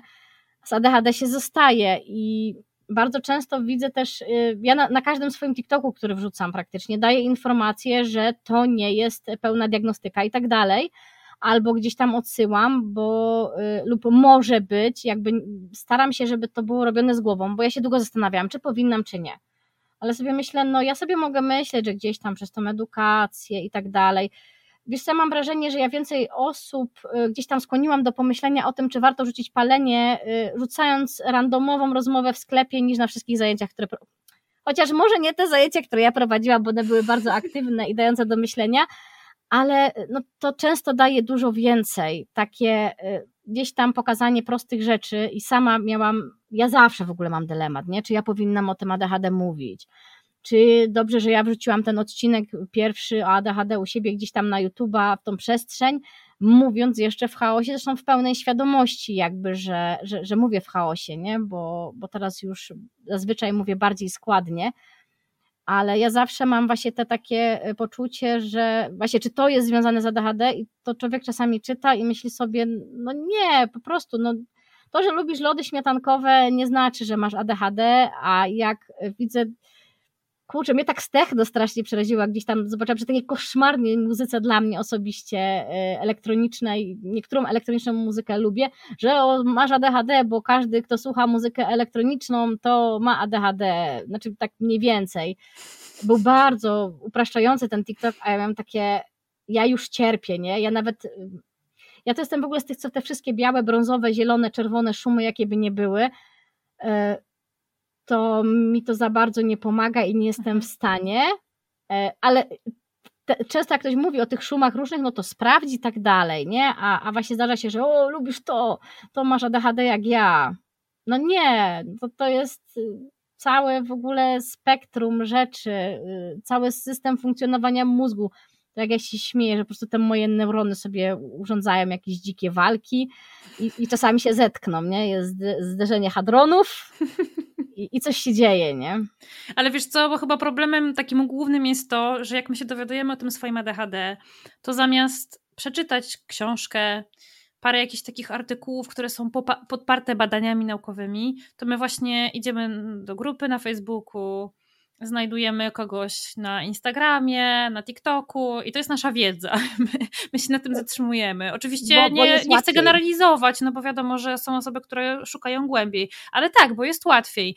Natomiast prawda jest taka, że to, nie, to są bardzo niedoskonałe źródła wiedzy i naprawdę warto przeczytać chociaż z jedną książkę. Ja wiem, że my mamy z tym problem, e, z czytaniem, Ale no, no chodzi o takie dobieranie sobie źródeł, Nawet... źródeł informacji to, to jest w ogóle problem współczesnego społeczeństwa. Znaczy, my jesteśmy zarzuceni nadmiarem informacji.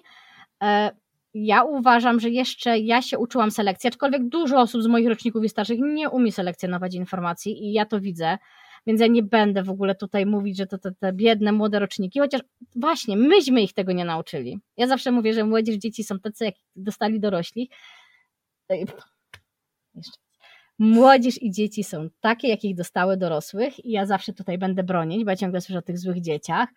No i zostają właśnie zarzuceni tym natokiem informacji, ale też e, widziałam w momencie, kiedy ja się zaczynam diagnozować, no, że multum moich znajomych jest na tej grupie ADHD, e, jednej, drugiej i, i coś tam się wypowiada. No ostatecznie się okazało, że jedyną osobą z, diagnozy, z diagnozą z dość, dużą grup, z dość dużej grupy jestem ja i druga koleżanka. No i cała reszta już się utożsamiała i oni, y, część z tych osób niestety idzie na tą y, diagnozę po najkrótszej linii, najlepiej to mi daje tą diagnozę w 20 minut, bo ja już wszystko przeczytałem, przeczytałam. Jeśli czytamy coś, co nam pod nas pasuje, to my jesteśmy to sobie w stanie trochę nadrukować i mieć takie, y, taki dylemat, znaczy syndrom oszusta, nie? który się gdzieś tam u mnie po drodze pojawiał, czy to na pewno ADHD, nie? Czy, czy jednak coś innego. I jeszcze jak się dowiedziałam, że leki czasami też tak działają na osoby neurotypowe, to znowu było, nie? E, czy to na pewno, nie? Bo, bo gdzieś tam, ale właśnie to tu wchodziło czytanie, doczytywanie, sprawdzanie. E, TikToki na początku pomogły. Wiadomo, algorytm TikToka jak działa, on e, sobie tam rzuca te rzeczy, które nam pasują i, no i się śmiałam, bo po prostu ja akurat trafiłam na takich y, spokojniejszych TikTokerów z zagranicy niż tam y, ci popularni u nas gdzieś tam na grupach.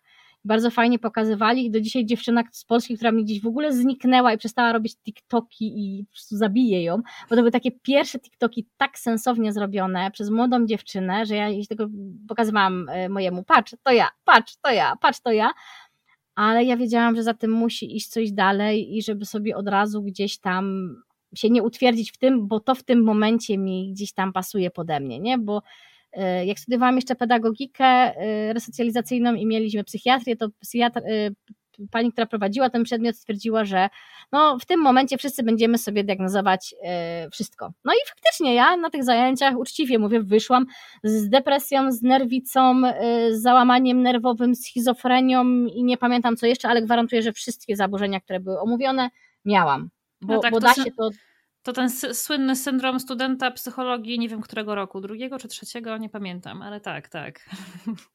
to, to się gdzieś tam zawsze y, pojawia przy tych przedmiotach, y, no bo jakby nawet samo ADHD, nie? To są cechy człowieka, które są po prostu gdzieś tam bardziej uwypuklone, działają w inny sposób, taka bardziej sinusoida po prostu niż gdzieś tam ta labilność, no ale y, to może być dwubiegunówka, nie? Nie zawsze dwubiegunówka się wiąże z ADHD, a może, nie? To może być nerwica, która może się wiązać z ADHD, ale nie musi.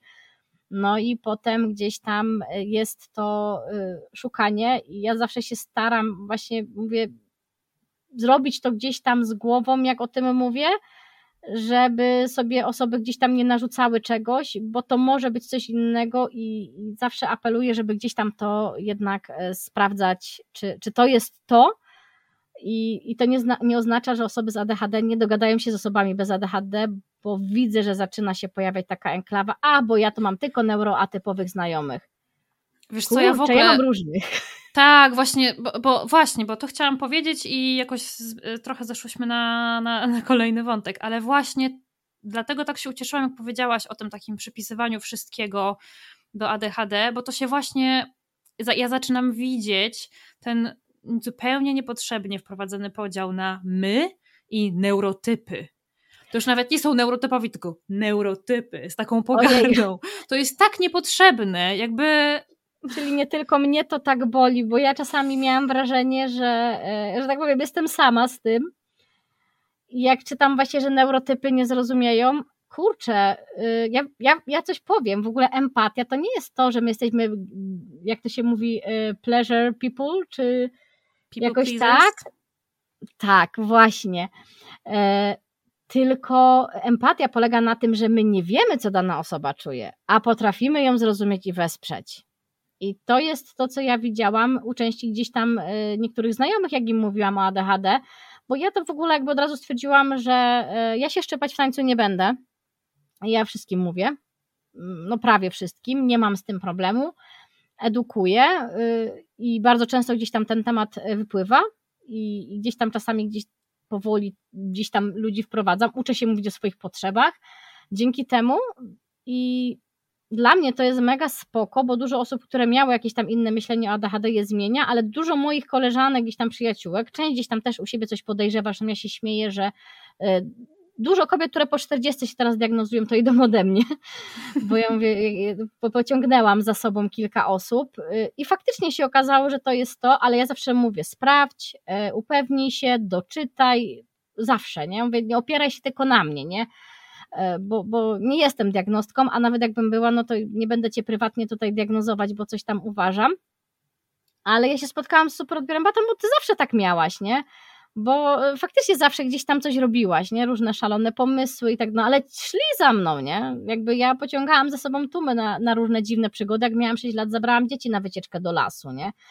Potem uciekaliśmy, bo chłopców biednych, którzy coś w tym lesie robili, uznaliśmy oczywiście za morderców i zboczeńców, a oni chyba byli bardziej przerażeni, co tam robią małe dzieci w tym lesie, nie? Także... Mm, przypomniała mi się historia mojego kolegi, który nie wiem ile mieli lat, ze swoim kolegą z ławki postanowili pójść nad jezioro, które było parę ładnych kilometrów oddalone od ich domu zamieszkania i E, oczywiście kolega jeden na, najprawdopodobniej ma ADHD, drugi pewnie też, więc to się tak wszystko, wszystko się ładnie składa. No to, to są często te takie bardzo kreatywne pomysły, które y, mimo, że dziecko jest świadome, jest nauczone i wie, robi to. Zresztą ja, ja często popełniając błędy już wiedziałam i, i myślałam właśnie, że to ta moja intuicja rozwinięta. Fakt, E, usłyszałam też od specjalistów kiedyś na szkoleniach z profilaktyki uzależnień, że ja mam dobrze rozwiniętą tę intuicję, ale wydaje mi się, czy to po części nie wynika z tego, że my za ADHD często nie pamiętamy pewnych rzeczy. No, intuicja działa tak, że jesteśmy czegoś nauczeni, ale nie wiemy skąd. To nie jest jakieś takie przewidywanie przyszłości i tak dalej. Ja tak sobie teraz tak myślę, że y, ta moja intuicja gdzieś tam y, może wynikać z tego, że ja nie wiem skąd ja wiem niektóre rzeczy, ale E, już robiłam i często gdzieś tam brnęłam w jakieś takie różne głupie pomysły, no bo, bo mam pomysł, nie? No tak, poza tym ta impulsywność, nie? Masz pomysł i musisz go zrealizować po prostu. No i co się będziesz zastanawiać nad tym, czy to jest dobry pomysł, czy niedobry pomysł, jeżeli, nie wiem, chcesz iść nad jezioro i się wykąpać z kolegą. No, był plan, był plan. No. tak, mi się teraz przy, przypomniało mi się, że ja kiedyś też poszłam wbrew woli moich rodziców kąpać się nad jezioro, więc to jest jakieś takie, nie wiem, w ogóle może nasze ADHD właśnie. No, no, jest, jest, czasami potrzeba i czasami da się z nią wygrać, a czasami nie. Zresztą y, bardzo często czytałam na grupie, że o nie, nie bierz leków, bo y, pozbędziesz się swojej spontaniczności. No, magia. To jest, ja, ja, ja... to jest kolejny temat. Ja mam wrażenie, że bardzo często pojawiają się te, te pytania, te obawy o to, czy ja stracę swoją kreatywność, kiedy zacznę brać leki, czy ja stracę swoją spontaniczność, kiedy zacznę brać leki. To jest, to jest bardzo ciekawe, nie? Jak, jak mało jest zrozumienia w kwestii tego, co te, co te leki robią. Chociaż y, tych postów na tych grupach jest czasami y, aż do bólu dużo, mam wrażenie. Y, i tak czytamy to, co chcemy. Nie? Ja też nie, nie jestem jakąś tam super fanką czytania instrukcji, lotek i tak dalej, ale są zawsze sprawy ważne i ważniejsze. I nauczyłam się, że ej, no tu warto jakby troszeczkę się doedukować, niestety, bardziej lub mniej i dowiedzieć się, jak to działa, albo zapytać się swojego psychiatry, na przykład, jak już mamy coś brać, a właśnie spotykam się z tym, że nie, bo mi się coś zmieni. No, jasne, że się zmieniamy z biegiem życia, bo y, nie dlatego, że przybywa nam lat, tylko raczej staramy się rozwijać, bo jestem absolutną przeciwniczką mówienia, że coś jest efektem wieku, bo znam dużo osób bardzo młodych, które mają wysoki poziom samoświadomości, inteligencji i gdzieś tam y, sposób działania. Znam tak. dużo osób, które mają 40 lat i więcej, no i no nie zaufałabym im w wielu kwestiach po prostu. I no jak ma się zmienić osobowość po lekach. Ja po prostu widzę, że mi się na przykład część rzeczy po prostu zmieniła, jak dorastałam, rozwijałam się, bo kiedyś byłam otoczona tłumem ludzi, teraz y, naprawdę to grono jest bardzo ograniczone i często wolę gdzieś tam być w domu. Ale jak już mnie ktoś widzi w towarzystwie, nie, to jestem właśnie taka wygadana, wyszczekana, tak samo przed y, kamerą, nie, się pojawiam po prostu ja mogłam mieć zero energii dzisiaj, ja siadam i jadę. I często mówię, a bo ty zawsze taka jesteś babicz, nie? A ja sobie myślę, no nie widzisz mnie jak jestem w domu, albo jak mnie nie ma, nie? Bo też kiedyś miałam tak, że dużo, dużo, dużo ludzi, a potem po przebodźcowaniu się znikałam na jakiś czas, no ale oni mnie przecież wtedy nie widzieli, nie? Jak w domu siedzę i czytam książki na przykład, nie? Bo tak. widzieli tą część. Y, zresztą wtedy byłam oczywiście nazywana ekstrawertyczką, mm, czego bardzo nie lubię do dzisiaj bo to kolega studiujący filozofię swego czasu mi uświadomił właśnie, że i to było lata temu, jeszcze nie wiedziałam o ADHD, tak się spojrzał na mnie, ty jesteś Beata raczej introwertyczką. A ja mówię, no co ja ty wszyscy mówią, że jestem ekstrawertyczką, gadam, ble, ble, ble. No i tak się zagłębiając w ten temat osobowości, no nie da się człowieka zamknąć ani w introwertyzmie, ani ekstrawertyzmie, bo ten sam podział w sobie jest bardzo kulawy i, i właśnie często osoby z ADHD są odbierane jako ekstrawertycy, bo gdzieś tam mają tą ekspresję przy ludziach, tak. ale no mówię, nikt nie wie, kiedy się odcinają, bo po prostu ich tam nie ma, nie? Więc. Mm. Um, ale tak chciałam jeszcze wrócić trochę, trochę wrócić, trochę nawiązać do tego, co, o czym rozmawiałyśmy wcześniej, czyli do Twojego YouTube'a, bo Ty e, nagrałaś um, filmik o ADHD taki właśnie trochę, trochę twoja historia chyba, a trochę, trochę taki psychoedukujący. Skąd ta potrzeba w tobie? Ja chyba zawsze w ogóle miałam sobie potrzebę jakiejś takiej edukacji. Y, ja lubię pracę z dziećmi, z młodzieżą, którymi tak wszyscy straszą. Y, pozdrawiam całą moją okrutną, niedobrą młodzież, złą, zepsutą przeze mnie. A jak już ustaliliśmy fakty, y, zawsze gdzieś tam ta potrzeba we mnie była. Ja też zaczęłam tworzyć True Crime'a Przepraszam, ja mam fiksację na punkcie mojej grzywki. E, ja samego True Crime zaczęłam tworzyć e, też po to, żeby edukować, a nie żeby po prostu mówić o przestępstwach. To niestety nie jest e, ulubiona część ludzi, większość chce po prostu posłuchać o okrutnych rzeczach, co mnie czasami troszeczkę przeraża, przeraża bo ja gdzieś tam się starałam przemycić troszeczkę tej edukacji w temacie i o zaburzeniach psychicznych i z czego pewne rzeczy wynikają i tak dalej, więc jak wyszło, że mam ADHD, no to się śmieję, że takie poczucie misji. Pomyślałam, kurczę, no trzeba z ludźmi o tym rozmawiać, bo gdzieś tam się temat czasami przejawia i znika po prostu po chwili. I no jest to część mnie, więc chcę po prostu o niej rozmawiać. Jakby ja nie mam z tym kompletnie żadnego oporu, żeby ADHD mówić, po prostu. To jest część mnie. Nawet zastanawiałam się przed tym wywiadem, czy jestem dobrą osobą do tego, bo ja ostatnio nie identyfikuję się e, tak bardzo z ADHD, bo ja dalej jakby no, koncentruję się na sobie, tylko e, faktycznie chciałabym się zająć i diagnostyką, i psychoedukacją, może i kiedyś coachingiem ADHD, bo gdzieś tam mi się to cały czas e, w głowie obija i pracować z osobami z ADHD, bo podobno bym się do tego nadała, tak usłyszałam od specjalistów i wydaje mi się, że po prostu byłabym w to dobra i gdzieś tam widzę te cechy. Więc y, dlaczego nie mówić tego w internecie i dlaczego części tej wiedzy nie dać po prostu ludziom od ręki? E, łatwiej jest czasami obejrzeć film na YouTubie, czy go wysłuchać nawet w tle, niż słuchać jakiejś dłuższej formy, nie? Bo y, no, ty wybrałaś tą trudniejszą drogę w mojej opinii, bo jednak e, podcasty, no to jest różnie, nie? Ja muszę mieć na przykład czas, siłę, umiejętność skoncentrowania się, żeby słuchać podcastu, a część takich filmów czy krótszych form y, jest zwyczajnie po prostu łatwiejsza, nie? Dlatego sobie myślę, y, no tak samo miałam z y, YouTube'em, jak i z TikTokiem. Kurczę, no i tak będą ludzie tworzyć TikToki o ADHD, a ja mogę wnieść tą wartość edukacyjną poza samorzecznictwem, które oczywiście jest istotne, ale niestety robione, tak powiem, bez głowy, może się skończyć y, szkodą i krzywdą dla kogoś, bo też trzeba wziąć pod uwagę, jaki to jest typ platformy, nie? Więc y, jest tam dużo młodych osób, jest to bardzo bodźcująca platforma, więc tam prawdopodobnie jest dużo osób y, i z ADHD i z innymi zaburzeniami, które wymagają tego do bodźcowania co jakiś czas, ale niekoniecznie właśnie to będzie to, więc z głową no a YouTube to jest taka moja stała społeczność, z którą ja zresztą w pewnym momencie byłam bardzo zżyta, więc ja tam mam dużo takich y, osóbek dobrych, które gdzieś tam zawsze mi dobrze życzą i dzięki temu mogłam mówię, dodać coś od siebie. Zresztą też jak się pojawiła współpraca odnośnie książki, to też wiedziałam, że yy, okej, okay, dajcie mi tą książkę, ja ją przeczytam i powiem wam, czy będziemy rozmawiać, bo ja nie dam moim y, ludziom czegoś, co się okaże po prostu słabe, nie? Więc y, jakby bardziej taka potrzeba tej psychoedukacji i z tym poczuciem, że na maksa się staram, żeby ona miała ręce i nogi. Ja wiem, że jak gdzieś też mogę popełnić błąd i zawsze się tego boję, zawsze mam takie, kurczę, to jest temat ważny i trudny i czy ja już wiem na tyle, żeby o tym mówić. Y, ale uważam, że zawsze jakby gdzieś tam wiemy, tylko trzeba podkreślać, na jakim mniej więcej, nie wiem, etapie jesteśmy, co wiemy, a nie wyskakiwać jako specjalista, no bo przeczytałam dwie książki, to ja jestem specjalistką od ADHD. Albo co gorzej, mam ADHD, to jestem specjalistką, bo to jest takie trochę podejście. To kiedyś fajnym tematem rzucił y, jeden z wykładowców u mnie lata temu.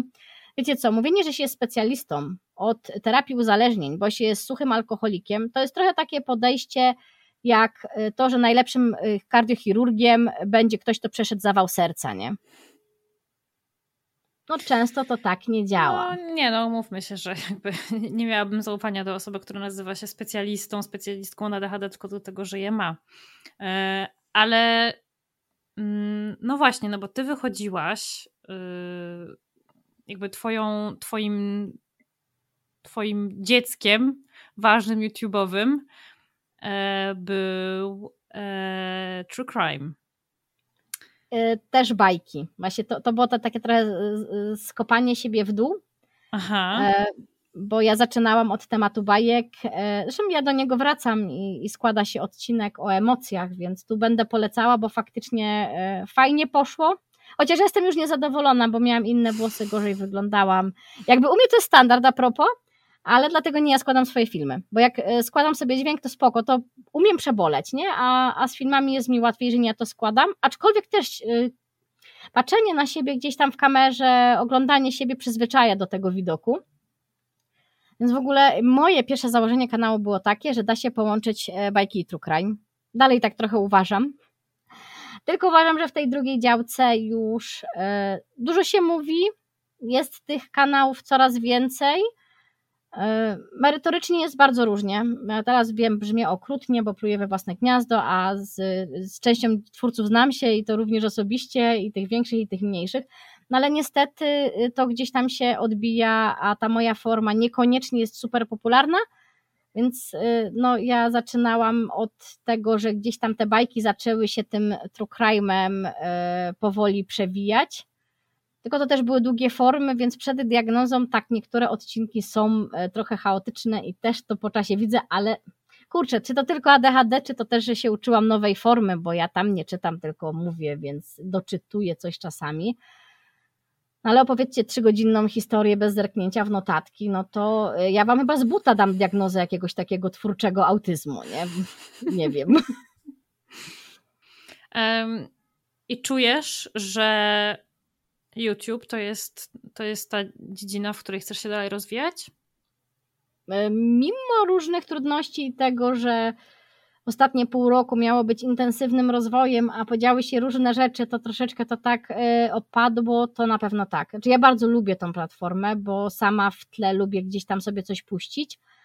Często bardzo takie treści durne, że tak powiem, jakieś bardziej śmieszne filmy gdzieś tam. Y, zresztą też próbowałam z tą formą, bo komentowałam sobie tam parę odcinków, parę dokumentów i zawsze to lubię. I kocham ludzi, którzy y, mówią o paradokumentach. Mnie to tak relaksuje. Ja to w ogóle się śmieję, że twórcom ukrytej prawdy to ja powinnam podziękowanie za napisanie pracy magisterskiej z resocjalizacji podziękować, a wcześniej Polsatowskim za licencjat, bo ja przy tym się potrafię skoncentrować i pisać, więc jak ja słyszę o tych białych, zielonych, czerwonych szumach, mam takie Simpsonowie, Przyjaciele, y, Gotowe na wszystko, y, w ogóle jakby wszystkie odnogi od twórcy Simpsonów, który też ma ADHD, więc to, to, to jakby wiele wyjaśnia, no to y, gdzieś tam mi pomaga się skoncentrować, nie? więc ja, ja tą formę bardzo lubię że ja się świetnie odnajduję y, w jakichś tam działaniach około medialnych, ale takich, gdzie ja też stawiam warunki, nie? bo prowadzę sobie live'a, ja go prowadzę u siebie i robię co chcę, e, bo nie wiem, jakby to wyglądało, nie wiem, w telewizji, ale jak mnie zaproszą, to pójdę, spoko. Byłam na jakichś dwóch reportażach, dałam radę. Telewizjo, uwaga, apel. Beata, no. Be Beata chce do was. Beata czeka na zaproszenie. Beata czeka. E, no, e, faktycznie ja nie mam tego oporu, jak myśmy z fundacją prowadzili jakieś działania z osobami starszymi, to tam na TVP3 są dwa reportaże ze mną. Tego pierwszego nie oglądajcie, bo byłam za gruba, ale ten drugi już byłam szczuplejsza. E, I faktycznie pamiętam, że przy tym drugim spotkaniu e, to ja e, miałam w pewnym momencie takie poczucie, że wręcz jest mnie za dużo, a jakby to prezeska fundacji organizowała, tam była tym mózgiem od dramy, tylko że ten pan telewizyjny sobie mnie wyłapał chyba jako tą właśnie taką osobowość, która gdzieś tam potrafi, bo mi się bardzo podobał klaps. I ja mówię, oje, zawsze, zawsze chciałam robić tego klapsa filmowego, bo tak super wygląda, więc potem nagle w reportażu są moje ujęcia, jak ja z tym klapsem robię po prostu i, i gwiazdorze, nie, więc y, gdzieś tam pamiętam, że y, poczułam wtedy też ten vibe, no ale tu już trzeba się dogadać z całą ekipą i ta praca już wymaga e, nagle patrzenia się w jedno miejsce, nie? A jak ja sobie kręcę tam z jedną osobą, e, no to łatwiej gdzieś tam sobie ten system ogarnąć. Aczkolwiek myślę, że takie nawet śniadaniówki na żywo też bym dała radę, bo my na gaszenie pożarów z ADHD często jesteśmy dobrzy. Więc parę razy się w życiu złapałam na tym, że trzeba było improwizować. Podchodzi radio, telewizja na ulicy i koleżanki wszystkie mnie, bo ja coś powiem. No i tak potem gdzieś tam się przewijam, nie? Tylko niestety y, bardzo w centrum Katowic do mnie podchodzą, jak jestem bez makijażu, a jak jestem zrobiona, to nie. A w tej części Katowic na Nikiszowcu to wiedzieli, kiedy podejść, więc jakby zastanówcie. Albo po prostu musisz częściej wychodzić w makijażu z domu, no.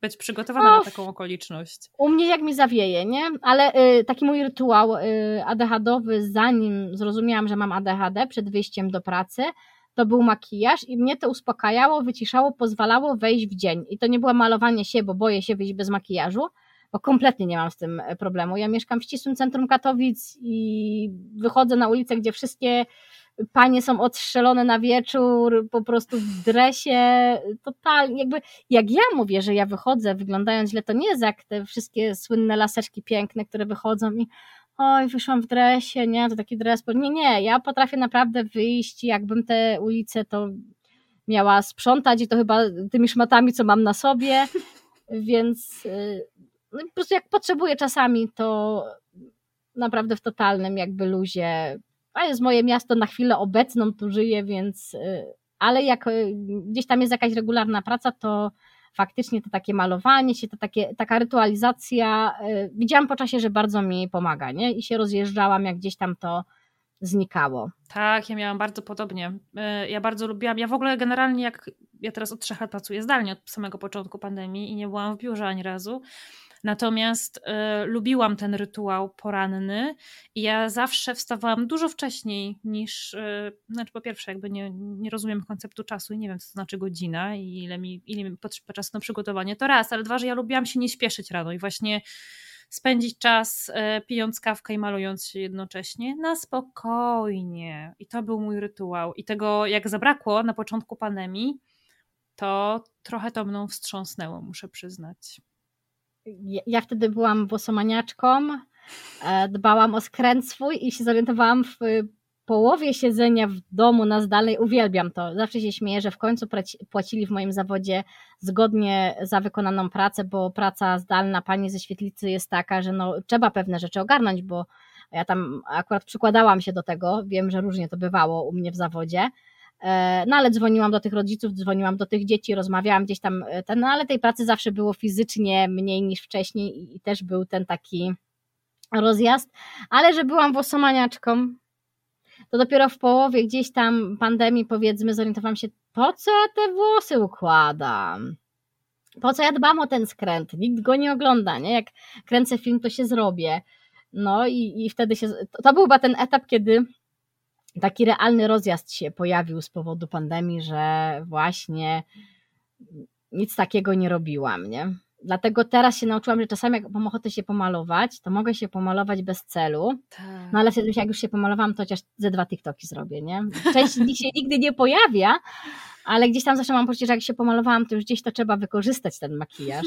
To też jest takie głupie, nie? Bo nie jest to ten etap mojego życia, gdzie muszę oszczędzać tak bardzo te kosmetyki, że jak się skończy podkład, to nie mam na nowy, ale ja pamiętam takie czasy, więc gdzieś tam jest wdrukowane, a, a po prostu mnie to czasami uspokaja i sobie uświadomiłam, że mogę to po prostu robić dla siebie, nie? Tak, tak, to, to, jest, to jest fajne. Ja też lubię czasami w te dni, kiedy nawet nie muszę nigdzie wychodzić, po prostu się ubrać inaczej niż w dres dla samej siebie, żeby się poczuć trochę lepiej. E, I pamiętam na początku pandemii, jak e, ludzie nie przebierali się z piżamy przez cały dzień, bo nie, nie czuli takiej potrzeby. Ja wiedziałam, że jeżeli ja tego nie będę robić, to wszystko będzie leżało u mnie. Ja muszę ja muszę wyjść z jednego trybu i wejść w kolejny i tak po prostu to była część takiego self-care'u prostego. No i przydatnego chyba każdemu, bo mam wrażenie, że po części no to potem niosło za sobą taki efekt, że dużo osób y, gdzieś tam zapłaciło za to cenę. Ja nie mówię, bo można założyć różniejsze ubrania, coś tam, ale y, ja też mam takie dni, że totalnie w ogóle oversize, luz i tak dalej, bo też te wszystkie sensoryczne rzeczy zresztą kiedyś usłyszałam od koleżanki z pracy takie fajne passive-aggressive komentarze, zawsze lubię. No, Beatka, ty chudniesz, a na przekór ubierasz coraz luźniejsze ubrania. A ja, nie na przekór, bo lubię, bo zrozumiałam, że czuję się w tym dobrze, jest mi w tym dobrze. Znaczy, pewnie na zdjęciach wyglądam czasami jakbym y, z 200 kilo ważyła, nie? Tylko, że jakby no, nie przeszkadza mi to, to raz a dwa, no to jest jakaś forma wyrażania się. No a czasami odstrzelę się jak nie wiadomo co, bo mam taką potrzebę, bez żadnej okazji. Dla mnie w ogóle ubieranie się na okazję to tak czasami jest troszeczkę takie, dlaczego ja się mam ładnie ubrać, bo mam urodziny, jak dzisiaj na urodziny chcę założyć wielką białą koszulę męską, które uwielbiam nosić, po prostu nie, nie, nie oglądam dla swojego tych koszul, zawsze się śmieję, gdzieś właśnie poluję na takie długie męskie koszule, z których sobie robię sukienki, że wszyscy myślą, że jestem taką dobrą żoną, nie jest. Bo ja uważam, że ja nie potrzebuję kraść mężowi koszul, bo ja wolę mieć swoje. Więc wszystkie koszule, które mam są absolutnie moją y, zdobyczą dla mnie. Wspaniałe. To jest w ogóle bardzo mi się podoba to podejście. A powiedz mi taką rzecz. Już zdecydowałaś, bo jakby tu rozmawiamy o tym, że tu YouTube, tu, tu psychologia, mm, tutaj e, przeszłość pedagogiczna, ale zdecydowałaś już, kim chcesz być, jak będziesz duża? Czy, czy, czy masz ochotę się pomiotać? Wracając do naszej rozmowy przed nagrywaniem, jeszcze nie wiem, kim będę, jak dorosnę. Więc y, ja zaczynając te studia miałam y, tak śmiesznie, że wszyscy, o, będziemy psychologami, będziemy pomagać ludziom, będziemy coś tam. Znaczy w ogóle mnie przeraża takie troszeczkę myślenie.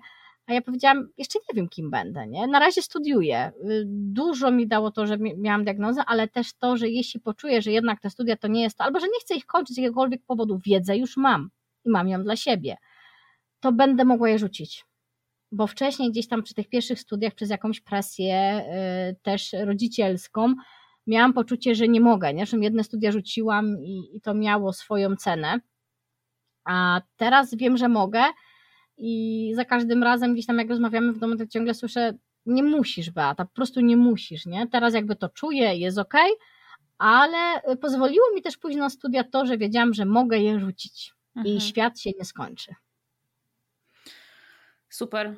A w takim razie, jako studentka psychologii i osoba z ADHD jednocześnie, co chciałabyś przekazać światu na temat naszego, uwaga, uwaga, zaburzenia? Kurczę, ciężko mi jest powiedzieć tak jednoznacznie, co bym chciała przekazać światu na temat y, ADHD jako studentka i, i teoretycznie tam przyszły psycholog i osoba z ADHD, bo, bo tego jest troszeczkę, nie? I potem jest tych milion pomysłów. Y, na pewno to, że z ADHD da się żyć. I że ADHD jest po prostu, nie? Tu, tu nie ma. Może jest taki jeden ważny przekaz, może niekoniecznie wiąże się z tym, y, jako kto go mówię, ale to, że nie warto myśleć o tym, dlaczego zdiagnozowałam się tak późno. Gdyby nie diagnoza, coś tam, żeby się na tym tak bardzo nie koncentrować, mam diagnozę ja już jestem do przodu od większości społeczeństwa, ja już wiem, co mi jest i z czym mogę pracować. Zaczynam od teraz, bo ja za każdym razem e, gdzieś tam samobiczowałam się za różne rzeczy, nie? Pracowałam z młodzieżą, widziałam, mogłam się wcześniej domyślić, mogłam się wcześniej dowiedzieć. Tylko po co? Albo co by było gdyby? No nie wiem, co by było gdyby, bo wiem, co jest, gdy już wiem i wiem, z czym mogę działać. Żeby się bardziej koncentrować na tym, co mogę zrobić z tymi zasobami, które mam w obecnym momencie. Wiem, że nie zagram w żadnym filmie Hollywood, aczkolwiek jak ktoś zadzwoni, a szczególnie producenci filmów klasy B typu Sharknado, to ja idę, nie? Jakby nie mam nic przeciwko, y, ale ja kiedyś zawsze myślałam, a no to jak ja teraz, bo marzyłam też o karierze pisarskiej, nie? Przecież przychodzą te wszystkie pomysły. E, jak wydam książkę tam, mając, no teraz już mam 34, 34 lata, no to już będę, to już się nie opłaca, nie? Na studia też się już nie opłaca przecież iść, no bo już mam tyle lat, a tego się nie opłaca. No nie ma co wartościować w ten sposób, bo w różnych etapach życia różne rzeczy są dla nas ważne i jeśli dowiadujemy się o diagnozie w jakimkolwiek wieku, cieszymy się po prostu, że już wiemy, co jest i z czym pracować i koncentrujmy się na tym i próbujmy, bo nie ma magicznych rozwiązań. No niestety, fajnie by było, ale y, podejrzewam, że list Hogwardu nie przyjdzie. Cieszmy się, że wiemy już o tym, że nie przyjdzie i dlaczego. No. E, bardzo mi się to podoba. E, moi drodzy, moje drogie, mm, nie ma co liczyć na list, list Hogwardu. E, skupmy się na tym, co jest i co możemy zrobić. Super. Dziękuję Ci bardzo, Beata, za, za tę rozmowę. Bardzo się cieszę, że miałyśmy okazję sobie pogadać o tych wszystkich rzeczach i o tych rzeczach, o których chciałam już od jakiegoś czasu z kimś porozmawiać, więc super. A to dzięki ślicznie, tym bardziej się cieszę.